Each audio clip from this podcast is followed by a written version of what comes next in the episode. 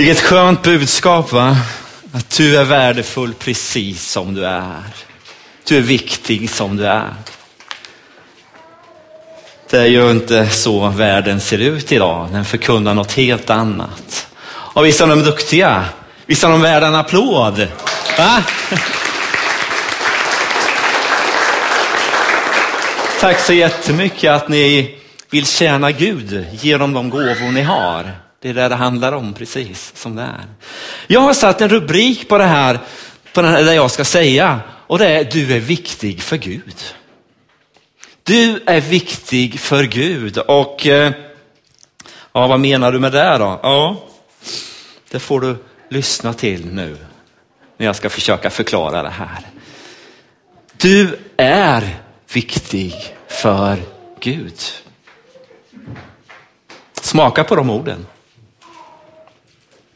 Gud har skapat oss. Det utgår jag ifrån. Det tror jag på. Utifrån vad som står i Bibeln. Han har skapat oss. Men då är frågan, varför har han skapat oss? Vill han ha en relation med oss?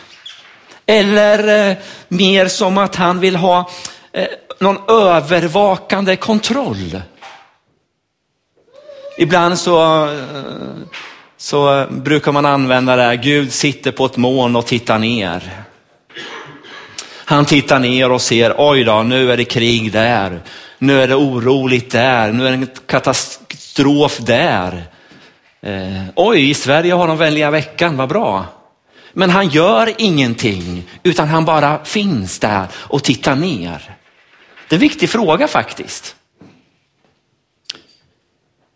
Vill Gud ha en relation med oss? Ja, när jag läser den här boken, Bibeln, så ser jag det. Gud vill ha en relation med dig. Han vill ha en gemenskap med dig. Och det är stort. Gud som har skapat oss. Jag säger inte att han är, att han är beroende av oss. Det är han egentligen inte, för Gud är Gud. Gud har skapat hela universum. Han har skapat varenda DNA och allting det här som inte jag kan någonting om. Men Gud har gjort det här. Så han är inte beroende av oss egentligen. Men du är viktig för honom. Han vill att vi är de vi är. Han älskar dig precis som du är, som han har skapat dig. Det är det det handlar om. Och eh, det finns flera bibelord i Bibeln som förklarar just det här. Tydliggör att han vill ha en gemenskap med dig, med mig. En relation. Och eh, jag kan inte gå igenom dem alla idag, självklart. Men jag ska stanna vid några saker. Och det första är, vi tar nästa bild. Psalm 23. Eh, många kanske av er kan den här, psalm 23. Vissa av er kanske inte säger det någonting. Men jag tänkte jag skulle läsa psalm 23. Det är alltså kung David som skriver den här saltaren, salmen. Och det står så här. Den är inte så lång. En psalm av David. Herren är min herde. Mig skall intet fattas. Han låter mig vila på gröna ängar. Han för mig till vatten där jag finner ro. Han vederkvicker min själ. Han leder mig på rätta vägar för sitt namns skull. Om jag än vandrar i dödsskuggans dal fruktar jag intet ont, ty du är med mig. Din käpp och stav, de tröstar mig. Du dukar för mig ett bord i mina ovänners åsyn. Du smörjer mitt huvud med olja och låter min bägare flöda över. Idel godhet och nåd ska följa mig i alla mina livsdagar och jag skall bo i Herrens hus i vinnerligen. Tänk vilken psalm som David skriver och formulerar utifrån hur han upplevde det. Men vad har det här med, med, med, relation och gemenskap? Jo, jag tänkte på en herde. Vi har ju inte så många herdar i Sverige, eller? Inte jag har inte sett så många.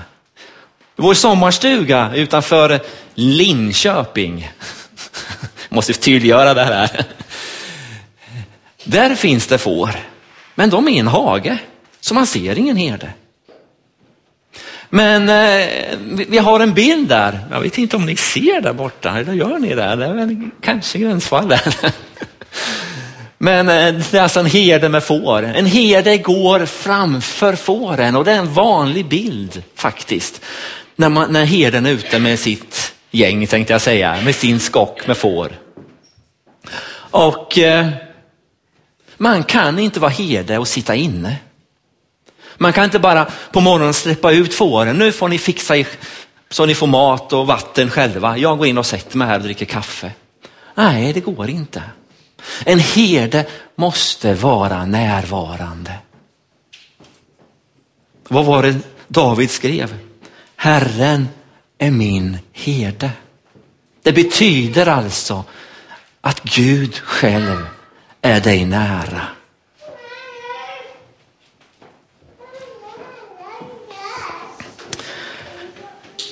En herde, den ska se till så att fåren mår bra. Se till att man får mat, vatten, sådana här saker som är jätteviktiga. Se till så inte fåren, några, fåren får några giftiga växter eller vad det nu är. Jag hoppas att du är med i, i tanken här. Han älskar fåren. Han skyddar dem. Är det någon som har fastnat i någon eh, taggbuske så letar han reda på det här lilla fåret. Herren är min herde. Mig skall intet fattas. Han är med mig. Se till att jag får det jag behöver. Och eh, i Johannes 10 och 11 så säger Jesus så här. Jag är den gode herden. Den gode herden ger sitt liv för fåren. Till och med skulle Jesus ge sitt liv för dig och för mig. Du är viktig för Gud. Du kanske inte tror på honom. Du kanske inte tagit emot honom. Men, men du är viktig för honom ändå. Du är oerhört viktig för Gud. Och David hade fått uppleva det här. David hade förstått det här. Och därför kunde han formulera sig i, de här, i den här salmen. Herren är min herde. Han, han är med mig. En äkta gemenskap. En äkta relation. Herden sitter inte på avstånd utan han finns precis där du är. David skriver vidare i en annan psalm. Psalm 139 så står det, du omsluter mig på alla sidor och håller mig i din hand. Du omsluter mig. Här talas om närheten. En Gud sitter inte på ett moln. Nej, han finns nära dig, precis där du är. Vi tar nästa bild och eh, första Korinthierbrevet 1 och 9. Det står så här, lyssna. Gud är trofast. Han som har kallat er, vad har han kallat er till? Jo, till gemenskap med sin son Jesus Kristus vår Herre. Han har kallat er till gemenskap med honom, med sonen. Om vi tar nästa bild så står det ett annat bibelord, första Johannesbrev 1 och 3. Vad står det där? Jo, det vi har sett och hört förkunnar vi för er. För att ni, för att också ni ska ha gemenskap med oss. Alltså gemenskap mellan människor. Så står det nästa mening. Och vår gemenskap är med Fadern och hans son Jesus Kristus. Vi får alltså en gemenskap. Gud längtar att få en gemenskap med dig och mig. Gud som är så stor. Han är så helig. Han är så fullkomlig. Men ändå vill han ha gemenskap med dig och mig. Han bryr sig om dig. Han vill att du ska må bra. Gemenskap med fadern och sonen. Ja, ibland så kan man ju tycka, men vadå fadern och sonen? Helt plötsligt, ja men är Gud flera? Bara lite kort. Gud är Gud. Klart, Gud är Gud. Han har skapat alltihopa. Från det stora till det lilla så har han skapat allt. Men så talar Bibeln om Fadern, Sonen och Anden och då kan man tänka, ja, men är det tre gudar? Nej, det är en Gud bara. Ibland blir det lite kortslutning där. Men vissa saker får man bara lämna. Gud är Gud och det får man bara se att ja, så här är det. Jag brukar använda den där bilden av ett ägg. Jag vet inte om du har hört den. Har du ett ägg så, så är det ju ett ägg, eller hur? Men ägget består av tre delar. Du har ägggulan, du har äggvitan och du har skalet. Tre delar men ändå är det ett ägg, eller hur? Lite kanske dålig bild, men ändå. Gud är Gud. Och här, här står att vi ska få ha gemenskap med Fadern och Sonen. I en annan översättning så står det, han har kallat er in i familjekretsen. Han har kallat in er i familjekretsen. Alltså, man, vi hör ihop, en familj. Gud skapar oss till gemenskap. Gemenskapen med varandra, men också självklart med Gud. Jag tittade lite på gemenskap, vad det betydde när jag var ute och googlade på det. Så står det så här, en grupp människor som tillsammans delar någon sorts samhörighet. Vi som sitter här, som tror på Jesus, vi har en samhörighet. Vi, vi kopplar med varandra. Vi, vi tror på, på Gud. Det är det som för oss tillsammans.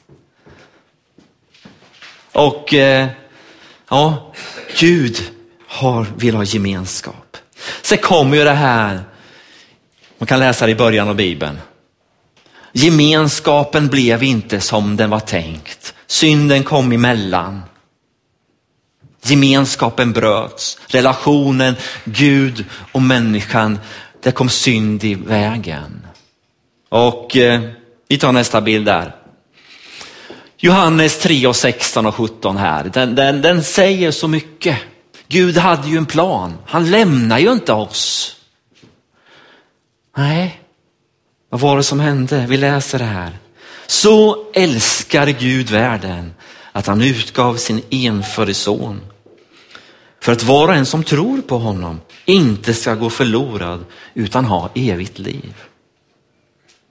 Gud har inte sänt sin son till världen för att döma världen utan för att världen ska bli frälst genom honom. Eller räddad kan man säga. Jesus han kliver ner på jorden. Och här blir en återkoppling mellan Gud och människan genom vad Jesus har gjort på korset. Den här relationen, det kopplar igen. Och eh, Jesus han gick ju här ett 30-tal år. Han hängde med sina lärjungar. Han var tillsammans med dem. De fick lära känna Jesus. De förstod honom inte, det var inte lätt. Här kom han och försökte förklara. Men eh, till slut så började de förstå lite mera. Och där får du och jag vara idag. Gud vill ha en relation, en gemenskap med dig. Vi tar en annan bild. Johannes 1 och 12. Vad står det där månntro? Men åt alla som tog emot honom gav han rätten att bli Guds barn. Åt dem som tror på hans namn. Att bli Guds barn. Vad betyder det? Jo, det betyder att Gud blir ju pappa, eller hur? Du får tänka in dig där. Du och Gud på bilden där. Han är din far. Jag har tre flickor, nu är de ju stora i och för sig då, utflugna flera stycken av dem. Men i början så var faktiskt jag, jag var faktiskt viktig där för mina barn. Hade inte min fru Anneli och jag funnits där för barnen så skulle de inte klarat sig. Och jag som pappa älskar ju mina barn. Även att de är stora så älskar jag dem ju jättemycket. Och jag bryr mig om dem. Hur är det? Hur mår ni? Den minsta tjejen som är, eh, som är 20 år, hon är uppe i Åre just nu. Såklart man undrar, hur är det där uppe? Och så fick man ett MMS-bild. Ja, nu, ja, nu sitter jag i en pistmaskin. Va? Hur har du kommit in där? Du skulle åka skidor bara. Hur hamnar du i en pistmaskin? Ja, det är 40 graders lutning på backen nu. Och då känner man, ja, men vad gör du nu? Så här kan du inte göra. Nu måste pappa finnas där och hjälpa dig. ja, men det här med pappa, man, det bara, man bara är där. Hur går det för er? Hur ska jag hjälpa? Oj, är det jobbigt nu? Ja, men då vill man ju vara där och finnas till. Nästan lite för mycket kanske, överbeskyddande. Uppmuntra dem, hjälpa dem. Ja, ni som är pappor eller mammor vet hur det är. Sån är Gud. Sån är Gud mot dig.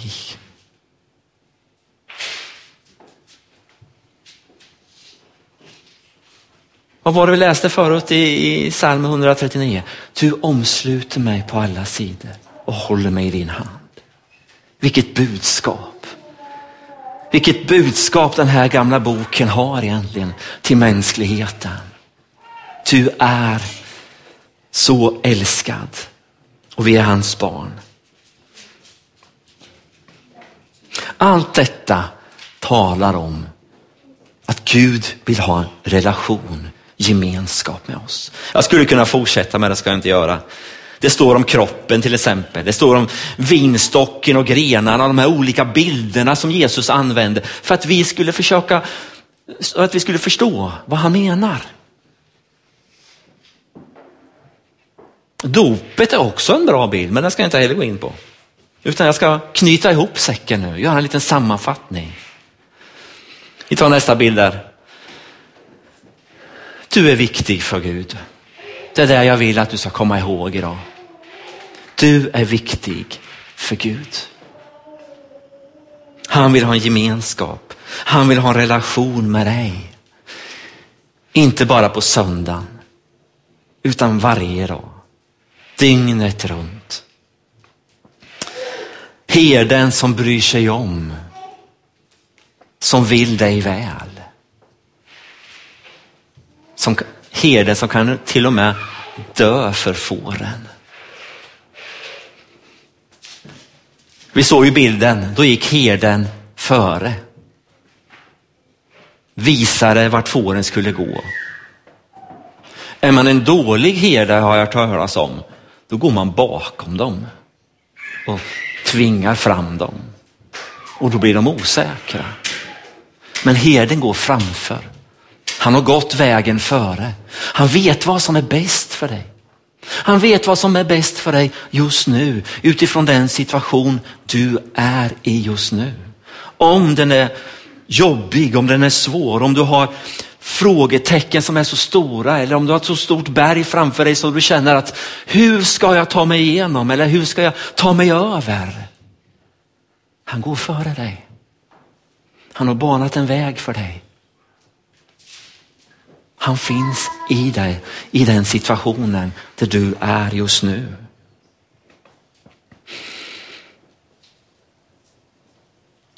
Han är vår far. Han finns där och vill hjälpa dig. Bara ge den där kramen som du kanske behöver idag. Jag vill säga att Gud är så personlig.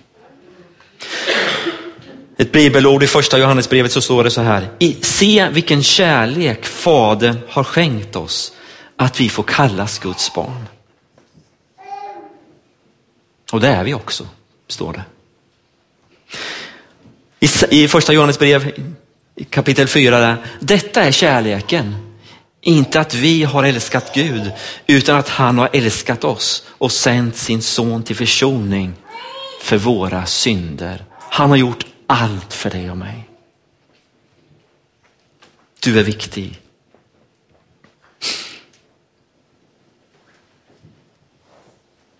Och mitt i det här så behöver vi varandra. Och det skulle jag också kunna ta 20 minuter om, det ska jag inte göra. Men jag bara känner ett ord som, som, som bara fastnar så här. Det är tacksamhet. En tacksamhet till Gud. Tänk att du bryr dig om mig. Jag som har gjort så mycket tokigt, så bryr han sig om mig. Amen. Vi ber tillsammans. Far i himmelen, vi tackar dig. Vi tackar dig för din kärlek. Vi tackar dig för din omsorg. Du är vår far Gud. Och tack att vi får bara finnas där. Tack att vi billigt talat får klättra upp i ditt knä just nu och känna att du omsluter oss på alla sidor. Tack att vi får känna som fåren. Du är med oss och du leder oss. Tack att du håller din hand över oss Jesus. Och jag vill be för var och en som är här just nu Jesus. Du känner oss. Du vet hur vi har det. Du vet där hjärtan, att det, det gör ont i hjärtana. Tack att du finns där. Tack att du uppmuntrar. Tack att du tröstar. Tack att du är bara, ja, du är bara där. Vi tackar dig för allt detta. Och tack att vi får räkna med dig i den här stunden, att du vill möta oss. Du kanske redan har mött oss. Ja, du vet allt Jesus. Bara tacka dig för allt det goda. I Jesu namn. Amen.